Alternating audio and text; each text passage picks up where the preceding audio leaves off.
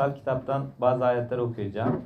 Yaratılış 50-20 Siz bana kötülük düşündünüz ama Tanrı bugün olduğu gibi birçok halkın yaşamını korumak için o kötülüğü iyiliğe çevirdi.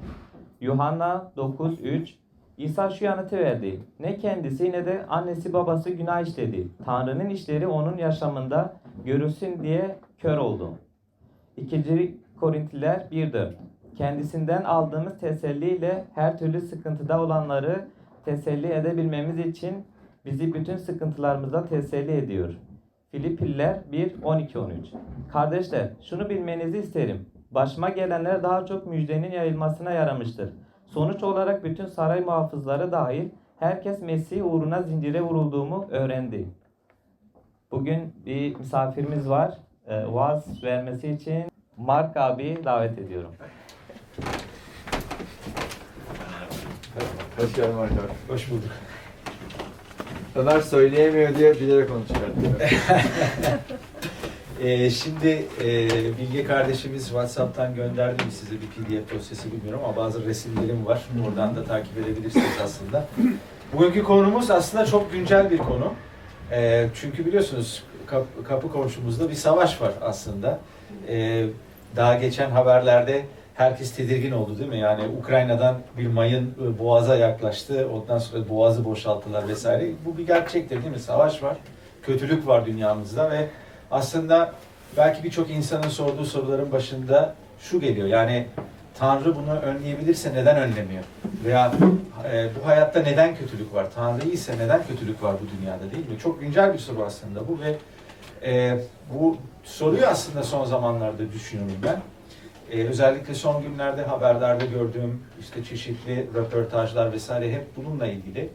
E, bir tane görüntü vardı ki beni çok etkiledi. Bir Ukraynalı e, bir baba e, eşini ve iki tane çocuğunu trene bindiriyor ve onlara elveda diyor. Onlar Polonya'ya gidiyor, kendisi orada kalıyor ve gözyaşları içinde e, selamlaşıyorlar. Hoşça yani e, onları onlara elveda diyor. Çocuk da babasına küçük bir oyuncak veriyor. Bir araba, e, bir tren aslında. E, ve tabii çok ağlıyor, ağlıyor, ağlıyor. Bir başka görüntü ise bu sefer enkaza düşmüş bir e, Rus tankı. Rus tankının içinden bakıyorlar haberciler gidiyor çekmeye filan. Oradan bir oyuncak ayı çıkıyor. Tabii hemen o zaman kendimizi soruyoruz. O oyuncak ayı nereden geldi? Büyük ihtimalle o tankı süren kişinin herhalde çocuğuna ait bir hatıra olarak vermiştir. Neyse. Yani dünyamızda acı var kardeşler ve bu acılar gerçektir. Peki Tanrı neden bu acılara müsaade ediyor? Dahası Tanrı nerede? Önemli bir soru. 18. yüzyılda David Hume adlı bir filozof vardı ve David Hume şöyle dedi. Tanrı kötülüğü önleme kapasitesine sahipse ama bunları önlemiyorsa o zaman kendisi zalimdir. Acaba David Hume haklı mı? Gerçekten zalim bir Tanrı'ya mı inanıyoruz? David Hume'un çağdaşı olan Voltaire, kendisi Fransızdı. Onun döneminde Lisbon şehri ilk önce depremle sonra tsunami ile e, devrildi. Binlerce kişi öldü. Ve o dedi ki eğer Tanrı iyiyse ve bir şekilde bu deprem ve tsunami'yi önlemediyse e, demek ki her şeye gücü yetmiyordur, iyi değildir. Dahası o yoktur. O zaman genellikle insanlar özellikle Tanrı'ya yaklaştıklarında böyle sorular soruyorlar. Yani Tanrı iyiyse, mutlak güçlüyse ve bir şekilde bunları önlemiyorsa ya kendisi zalimdir ya kendisi yoktur. Ama acaba bu doğru mu? Acaba gözden kaçırdığımız bazı şeyler olabilir mi? Kutsal kitaba göre evet. Ee, bu filozoflar aslında bunları derken çeşitli varsayımlar yapıyorlar değil mi? Ama aslında kaçırdıkları birkaç şey var. Bunlardan birincisi nedir? Ee, birincisi Tanrı'nın kabiliyetini ve Tanrı'nın gücünü Ta- Tanrı'nın kabiliyetiyle karıştırmak. Ne demek istiyorum bununla? Tanrı her şeyi yapabilir mi? Evet, kesinlikle her şeyi yapabilir değil mi? Ama Tanrı'nın yapamayacağı şeyler var mı? Evet, yapamayacağı şeyler de var. Şimdi aklınız karışmış olabilir. Ne yani? Hem Tanrı her şeye kadirdir, hem de gücü her şeye yeter, hem de nasıl her şeyi yapamaz? Ben size birkaç örnek vereyim kutsal kitapta. Kutsal kitapta der ki yalan söyleyemez. Kutsal kitap der ki e, kendi doğasına karşı işleyemez. Günah işleyemez. Değil mi? Demek ki Tanrı'nın yapamadığı bazı şeyler var değil mi?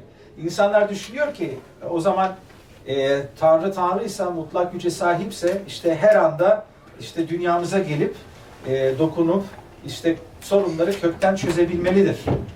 Ama Tanrı böyle bir dünya yaratmadı. Sıkıntı orada. Tanrı öyle bir dünya yarattı ki içinde bir özgür irade de var insanlarda ve onlar otonomdur ve kendileri de gerçek seçimler yapabilirler. Ve acaba şunu mu sormalıyız? Yani belki bunu soran bir kişiye yani Tanrı e, Tanrı varsa neden kötülük var diye sorana mesela sevgisiz bir dünya hayal edebiliyor muyuz? Sevgisiz bir dünya. Ama sevginin olabilmesi için de yani sevgisiz bir dünyada yaşamak ister miydiniz? Ben istemezdim. Ama sevginin olması için de kötülüğün potansiyeli de olması lazım. Yani Tanrı'yı seçmemenin, Tanrı'ya göre yaşamamanın sonuçları kötü, potansiyel kötü olan sonuçlar bir dünyada var olması lazım. Öyle değil mi? Bu birincisi. İkincisi ise böyle mutlak kararlar verebilmek için işte Tanrı zalimdir, Tanrı kötüdür. Tablonun tümünü görmemiz lazım. Ama ne yazık ki biz insanlar kısıtlıyız. Ve bakış açımız da çok sınırlıdır. Dolayısıyla biz resme bakıyoruz, tabloya görüyoruz ama aslında biz resmin bir parçasını görüp ona göre karar veriyoruz. Ya resmin geri kalanı bize ne anlatıyor? İşte kutsal kitap aslında bize biraz bu konuda teşvik ediyor. Yani sadece görün, görünenle sınırlanma, görünmeyenin veya senin görmediğin çok daha devasa bir tablo var. Çok daha fazla detay var. Dünyamız karışık bir yerdir. Ve Tanrı işleyişi senin zannettiğin kadar basit değildir.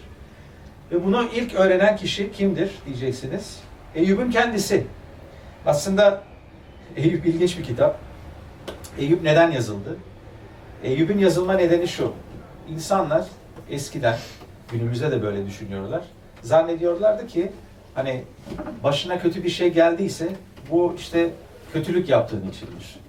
Başına iyilik geldiyse bu iyilik yaptığın içindir değil mi? Ve bugün hala bu düşünceleri e, görebiliyoruz. Mesela İzmir'de deprem oldu. Neden deprem oldu? Ya işte İzmir'de ayyaşlar da dolu. Gençler sürekli günah işliyor. Onun için Tanrı'nın gazabı İzmir'in üzerine geldi. Ortada o insanı biraz böyle düşünüyor maalesef. Veya e, bir başka örnek, e, mesela bizim e, Çanakkale'de bir tatil alanımız var, çok güzel. Kilisemizden bir aile gitti oraya, annelerini getirdiler. Ondan sonra ne oldu? Annesi kalp krizi geçirdi. E, hemen devlet hastanesine gittiler, orada tedavi gördü. Sonra İstanbul'a dönmek zorunda kaldılar. E, akrabaları, aileleri ne dedi? Ha, siz o Hristiyanlarla e, o Hristiyanların kamp alanına gittiniz ya o tatil merkezine işte. Olan oldu. Acaba böyle mi? Neden neden başımıza kötü şeyler geliyor? Günah işlediğimizden dolayı mı? Yani olabilir de evet ama olmayabilir de. Biz insanlar olarak her zaman basit çözümü arıyoruz değil mi? Mesela neden günah, neden acı var hayatımızda? Şeytan mı? Olabilir. Şeytani bir saldırı da olabilir. Ama bu demek değildir ki her acı şeytani saldırıdan kaynaklanıyor. Veya her acı günahtan kaynaklanıyor. Ee, her acı denemeden kaynaklanıyor. Her her acı bir kayıptan kaynaklanıyor değil mi? İsa'ya sadık olmak da hayatımıza belli kötülükler ve acılar da getirebilir. İsa'nın kendisi dedi değil mi? Beni izlerseniz e, bana olanlar size de olacak. İsa acılarla dolu bir hayat sürdürdü aslında. Demek ki aslında acıların birçok nedeni var. Ee, Eyüp'ün kafası da bu konuyla aslında çok karışıktı. Fakat Tanrı Eyüp'e ne göstermek istiyor? Eyüp'e göstermek istediği şey aslında ondan talep ettiği şey nedir? Bir şekilde Eyüp acısını Rabbe teslim edebilirse, her ne kadar kaynağını bilmese de Tanrı o acıdan bir şey yapacaktır hayatında. Ve aslında bugün dersimiz budur bizim için. Biz bazen neden acılarımız kaynaklanıyor bilmiyoruz. Evet tahminde bulunabiliriz. Belki şeytani bir saldırı, belki başka bir şey ama Tanrı'nın bizden talebi nedir? Bana güven. Bana güven. O acını bana teslim et. Ben o acıyla bir şeyler yapacağım hayatımda. İlginçtir ki Eyüp e, kendisindeki o çektiği sıkıntıları değerlendirirken diyor ki Rab ben masumum. Neden bu acıları çekiyorum? Ve biliyoruz kendisi gerçekten masum. Şeytan ona saldırmıştır. Eyüp bunu bilmiyor ve kendisi gerçekten masum. Peki Eyüp'ün vardığı sonuç ne? Eğer ben masuysam, ma- masum isem ve acı çekiyorsam demek ki Tanrı adil değildir. İlginçtir değil mi? David Hume'la aynı e, sonucu çıkartıyor aslında Eyüp. Tanrı adil değildir, Tanrı zalimdir. Ama arkadaşları ne diyor? Diyor ki yok yok yok haşa Eyüp. Tanrı adildir O zaman acı çekiyorsan, kötülükler oluyorsa hayatında kesinlikle bir günah işlemişsindir. Ve onun için ne yapıyorlar? Günahlarının, olası günahlarının bir listesini çıkartıyorlar değil mi? En sonunda Elihu geliyor. Elihu bunlara ne diyor? Diyor ki ya siz saçmalıyorsunuz Tanrı adildir. Ama bu demek değildir ki her çektiğimiz acı bir yargıdır. Elihu onlara ne diyor? Belki bu acılarla Tanrı Eyüp'e günahtan kaçınmasını öğretmek istiyordur. Veya onun karakterini olgunlaştırmak istiyordur. Ve Elihu aslında doğru bir yere temas ediyor. Doğru bir yer, doğru bir tespit e, yapıyor. En sonunda Eyüp aslında ne yapıyor? Acısını Rab'be getiriyor ve bu çok önemli. Arkadaşlarına getiriyor, sonuç yok. Elihu da devreye giriyor, sonuç yok. En sonunda Tanrı'ya devrediyor bütün acılarını ve ona yakarıyor. Ve en sonunda Tanrı ona cevap veriyor. Gibi. Tam nedenini sö- söylemiyor aslında. Ee, ama ona ne diyor? Yani istiyorsan gel, benim yerime sen geç, sen Tanrı ol. Bakalım bu durumu nasıl idare edeceksin? Yani yıldızları yaparken sen orada mıydın? İşte güneşi doğurturken sen orada mıydın? E işte bu Livyatan, e, Behemoth gibi yaratıkları yaratırken sen orada mıydın? Bu e, doğanın dengesini kururken sen orada mıydın? Eyüp diyor ki, ay aman Tanrım benden uzak olsun bu düşünce. Ve Tanrı Eyüp'ten ne talep ediyor? Bana güven. İlginçtir ki Eyüp hiçbir zaman tam cevabını almıyor. Eğer dikkat ederseniz Tanrı demiyor Eyüp'e bak sen bu acıyı çektin çünkü şeytan seni sınamak istedi ve sonra bana geldi ve işte sordu ki seni de, onu deneyebilir mi? Bunu biz biliyoruz. Çünkü metni okuyoruz. Değil mi? Bir üçüncü şahıs olarak. Ama acıların içinde olan Eyüp bunu bilmiyor. Onun için onun ak- aklı karışık. Tanrı ona tam bir cevap vermiyor ama sadece ona ona güvenmesini talep ediyor. Ama Eyüp doğru bir şey yapıyor. O da ne? Acılarını Tanrı'ya getirmek. Kardeşler bu çok önemlidir. Acılarımızı Tanrı'ya getirmeyi bir huy haline getirmeliyiz. Ne demek istiyorum bununla? Bir keresinde kilisemizdeki bir kız kardeş benimle sohbet ediyordu. Bana anlatıyordu. Ya Mark abi işte e, ailemde şöyle sıkıntılar var. İşte şöyle hastalıklar oldu. işte böyle oldu. işte şöyle oldu. Baya bir problemleri vardı. Dinledim sabırlı bir şekilde. Sonra ona bir soru sordum. Sorduğum soru neydi? Sen bunu Rabbe söyledin mi? Dedim, nasıl yani? Ya işte bana söylediğin gibi sen Rabbe söyledin mi bunları? Yo. O zaman bana ne anlatıyorsun? Git Rabbe anlat bunları. Yani ben seni anlamıyorum ki. Yani bütün çektiğin o acıları ben kavrayamam, anlayamam. Bir yere kadar anlayabilirim. Yani e, ama seni anlayan biri var. O da kimdir? Rabbin kendisidir. Git ona anlat. Gözyaşları içinde. Ama bir şeyden emin olabilirsin. Sen bunu Rabbe verirsen o, o acılarla bir şey yapacak hayatında. Onun amaçları iyidir. Ona güvenmen lazım. O zaman dedi ki haklısın. Ee, ben gideyim bunu Rabbe anlatayım. Acaba ne sıklıkla biz acılarımızı Rabbe getiriyoruz? Genellikle ne yapıyoruz biz? Eyüp ne yaptı? Rabbe acılarına getirmek yerine bunu arkadaşlarına anlattı. Biz bazen ne yapıyoruz? Rabbe getirmek yerine arkadaşlarımıza anlatıyoruz. Ama arkadaşlarımızın bilgeliği ne ki Rabbin yanındaki bilgeliği karşısında değil mi? Bazen bunu bile yapmıyoruz. Bazen acıdan sakınmak istediğimiz için bazen acılarımızı hiçe sayıyoruz. Yani hiç olmamış gibi davranmaya başlıyoruz. Veya ya o acı o kadar kötü değil diye, diye küçümsemeye başlıyoruz. Veya o acıdan kaçmaya çalışıyoruz değil mi? Kaçış mekanizmaları olabilir hayatımızda.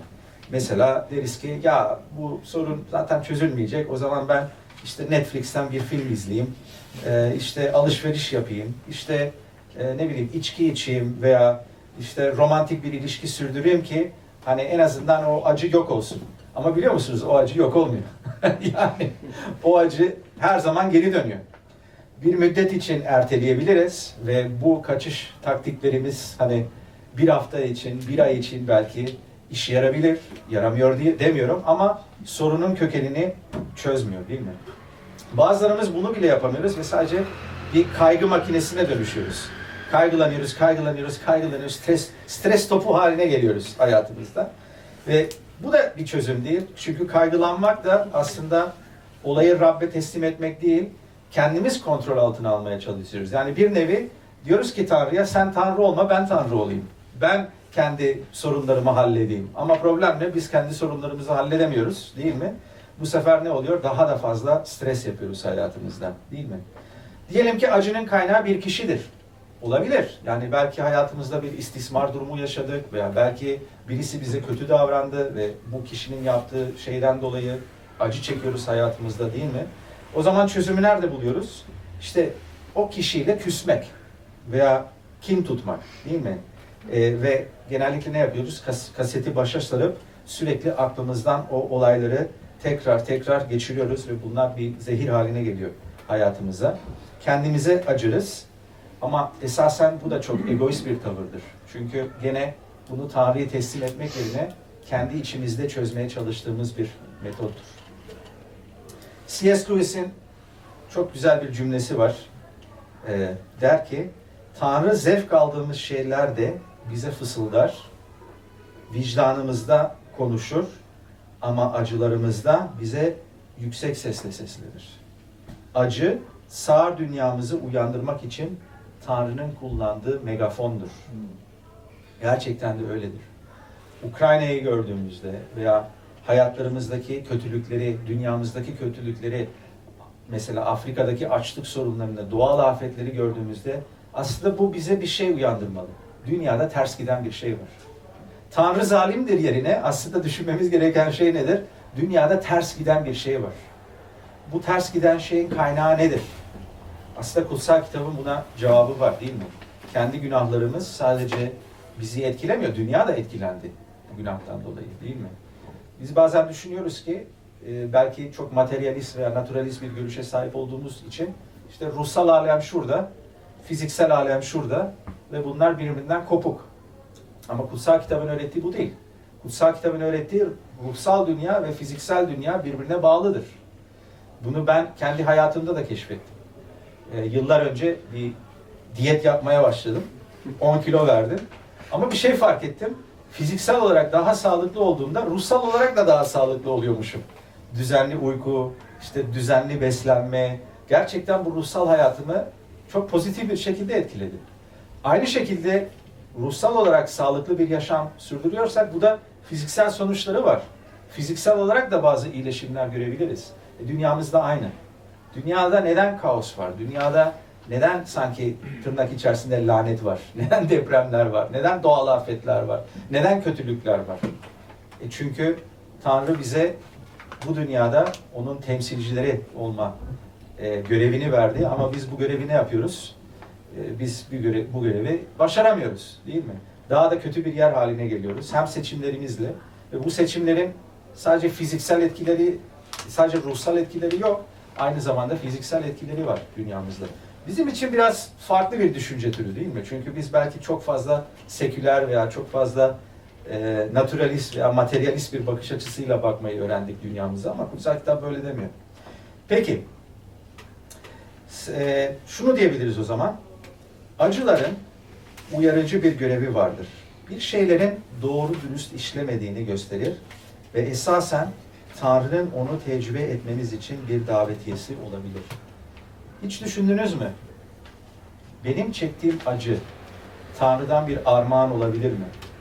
Biliyorum bu çok böyle farklı bir düşünce türü değil mi? Ama biraz kutsal kitap aslında bizi böyle düşünmeye yetiyor. Acaba benim çektiğim acı Tanrı'dan bir armağan olabilir mi? Belki etkisini şimdi görmüyorum ama ileride göreceğim. Dört tane örnek vermek istiyorum size bugün ki zaten ayetler okundu. Birincisi biliyorsunuz Yusuf'un örneği. Ee, kendisine büyük bir kötülük geldi başına. Kardeşleri tarafından ihanete uğradı. Ama Rab bir şekilde bunu kullandı ve Firavun'dan sonra Mısır diyarının en önemli şahsiyeti oldu. Ve daha sonra kardeşleri onlara geldiğinde, ona geldiğinde onları kıtlıktan kurtarabildi. Ve ne diyor? Ee, Tanrı bugün olduğu gibi birçok halkın yaşamını kurtarmak için o kötülüğü ne yaptı? İyiliğe çevirdi. İşte Tanrı'nın öyle bir özelliği var. Biz acılarımızı Rabbe getirebiliyorsak o bir şekilde bunu bir iyiliğe çeviriyor kendi kişisel hayatımızdan. Nasıl olacağını bilemeyebiliriz o anda. Ama Tanrı bizi bunu güvenme, buna güvenmeye çağırıyor. Bir örnek Hakan ve Hakan kardeşimiz, Hakan ve Ludmila kardeşlerimiz. Biliyorsunuz onlar e, Türkiye'den ayrılmak zorunda kaldılar. Ludmila kardeşimiz kod aldı pasaportunda. ve şimdi Moldova'dalar. Ee, ve biliyorsunuz ki yani sizin cemaatinizde de topluluğunuzda da benzer bir şeyi Bilge kardeşimiz yaşıyor değil mi? Dolayısıyla bazen diyebiliriz yani acaba niye Rab buna izin veriyor değil mi? Ama ilginç bir şey oldu. Ben Hakan'la bir yıldır temas içerisindeyim WhatsApp'tan. E, Konuşuyorduk. O da soruyordu Rab'be yani niye buna izin verdi, niye bu oldu filan falan diye. Üç hafta önce, bir ay önce ne oldu? Ukrayna krizi- patladı. Şimdi Moldova'ya kimler geliyor? Ukraynalı sığınmacılar geliyor. Sadece Ukraynalı sığınmacılar değil, Türk üniversite öğrencileri de gidiyor. Çünkü Ukrayna, Türk öğrencilerin en çok gittiği ülkelerden bir tanesidir. Oraya geliyorlar, Moldova, Moldova'daki kiliseler Hakan'ı arıyorlar. Diyorlar ki bize yardım lazım. Türkçe bilen kardeşler lazım. Bu, bu kişilerle ilgilenebilir misin bu öğrencilerle? Yatacak yerleri yok. Yiyecek yemekleri yok. Ve şimdi bir aydır yaklaşık olarak orada mültecilere hizmet ediyorlar. Ee, ondan sonra Türk öğrencilerine hizmet ediyorlar. Ve bakıyorsun ki yani bir şekilde Rab bu durumu çevirdi. Ve artık öyle bir duruma geldik ki Hakan beni arıyor ve bana soruyor ki ya acaba vakfın bir temsilciliğini Moldova'da mı kursak? Dedim bilmiyorum Hakan ben bu işler nasıl işliyor bilmiyorum dedim. Yani burada Türkiye'de biliyoruz. Timur'a da aradı. Biz dedik ki ona o zaman sen araştır, keşfet. Yani orada e, e, nasıl bu yasal işlemler. E, sonra bize geri dönersin. Olur mu olmaz mı bilmiyorum ama nereden nereye geldik değil mi? E, bu kötülük diye düşündüğümüz bir durum Rab bunu te- tersine çeviriyor ve bir iyiliğe dönüştürüyor. Kim bilir? Belki ileride Moldova'da bir e, vakfımızın bir temsilciliği olur. Bilemiyorum. Bir başka örnek. Acılarımızı Rabbe teslim et- etmekle ilişkin. Yuhanna'da e, kör adam hikayesi var. Hepimiz çok iyi biliyoruz. Onun için tekrarlamayacağım.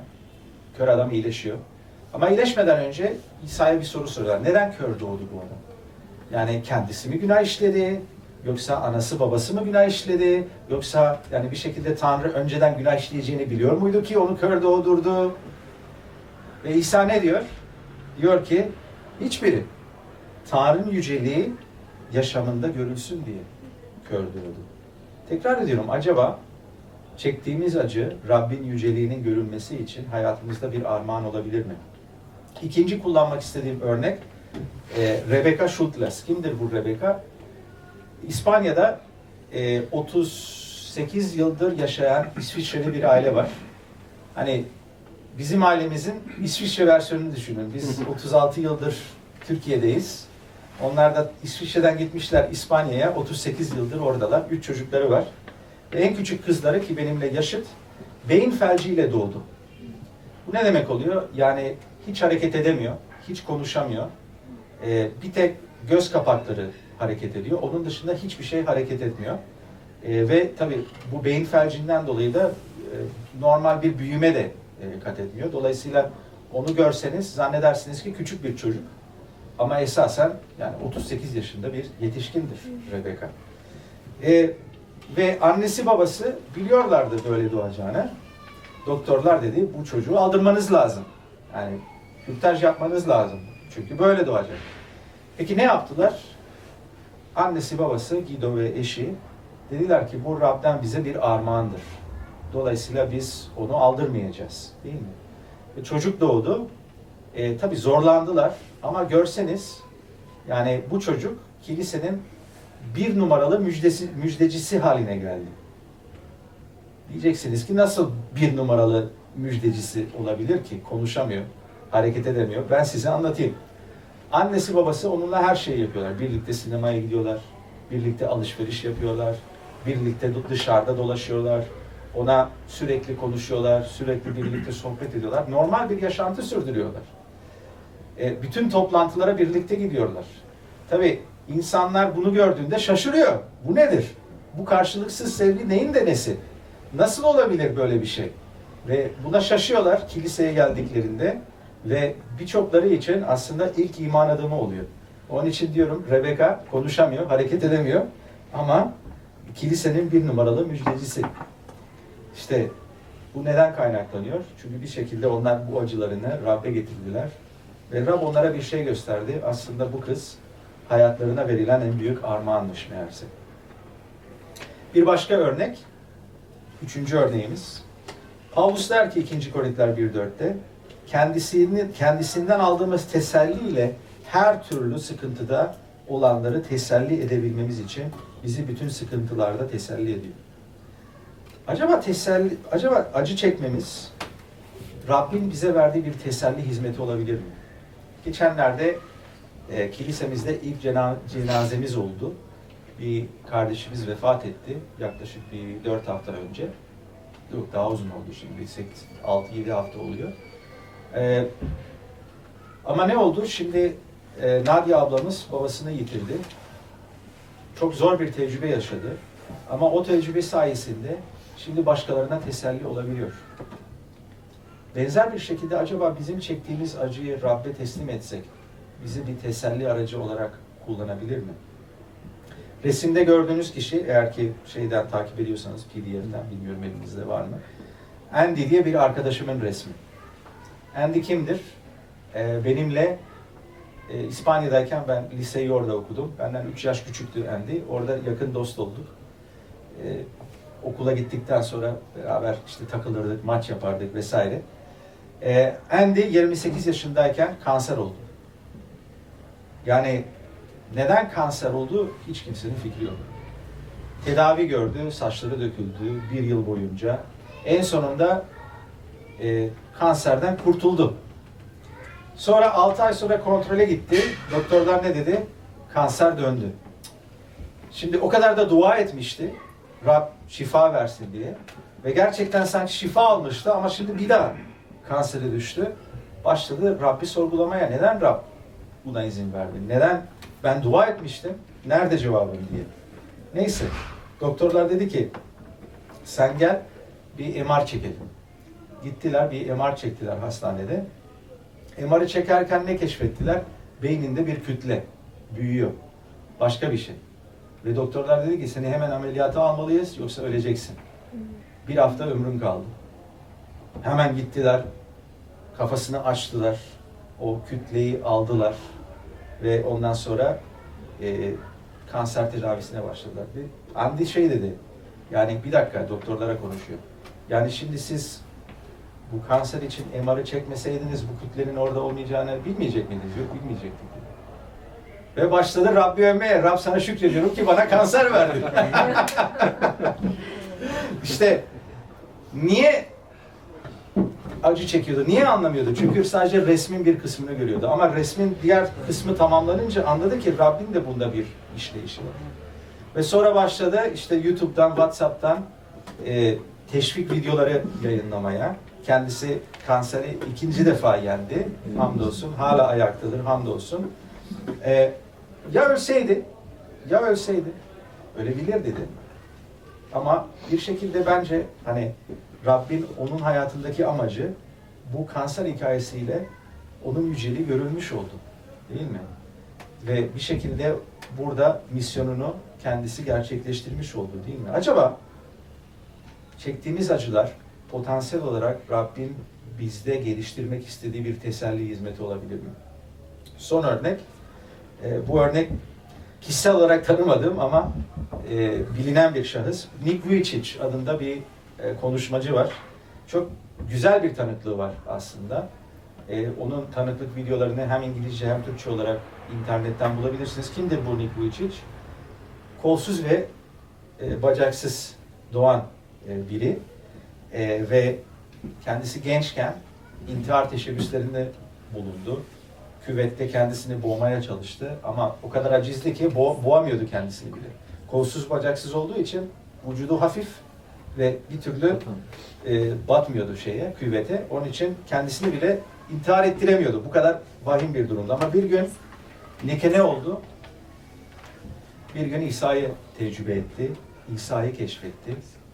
Ve ondan sonra hayatı değişti. Karakteri değişti.